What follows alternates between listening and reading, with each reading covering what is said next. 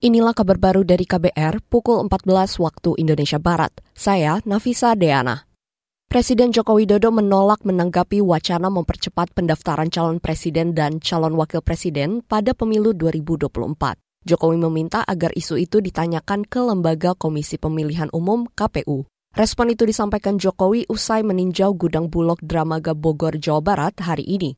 Berdasarkan draft peraturan KPU, pendaftaran Capres-Cawapres 2024 rencananya dimajukan menjadi 10 hingga 16 Oktober 2023. Tanyakan ke KPU.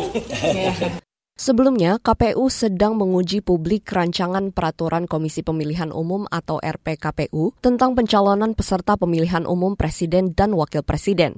Adapun rencana awal, pendaftaran Capres-Cawapres digelar 19 Oktober sampai 24 November namun rencananya dimajukan menjadi 10 hingga 16 Oktober 2023.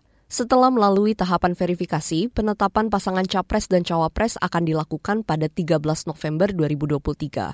Dilanjut dengan masa kampanye hingga awal Februari 2024. Beralih ke informasi lain, Lembaga Kajian Ekonomi Indef menyebut ada korelasi peningkatan pinjaman online dengan melonjaknya belanja di ranah digital. Menurut peneliti Indef Nailul Huda, Kemudahan transaksi pencairan dan pembayaran lewat digital semakin membuat masyarakat tergiur melakukan pinjaman online.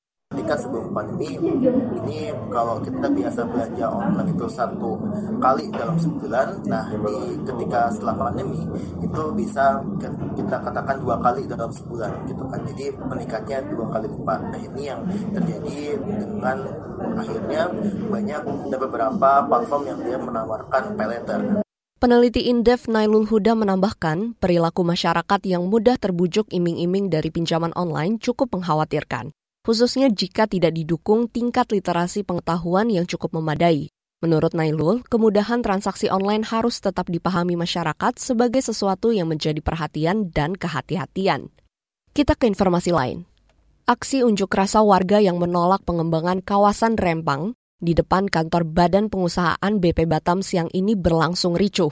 Dilansir dari Antara, warga yang awalnya melakukan aksi dengan damai tiba-tiba ricuh dengan menghancurkan pagar. Tidak hanya itu, lemparan batu, kayu hingga bom molotov dilemparkan warga ke arah halaman kantor BP Batam. Sementara gas air mata dan water cannon juga sudah ditembakkan ke arah kerumunan aksi unjuk rasa oleh petugas. Sebelumnya, unjuk rasa ini merupakan buntut dari rencana pengosongan lahan yang akan dijadikan kawasan Rempang Eco City.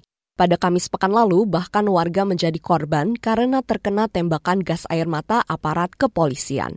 Demikian kabar baru dari KBR, saya Nafisa Deana.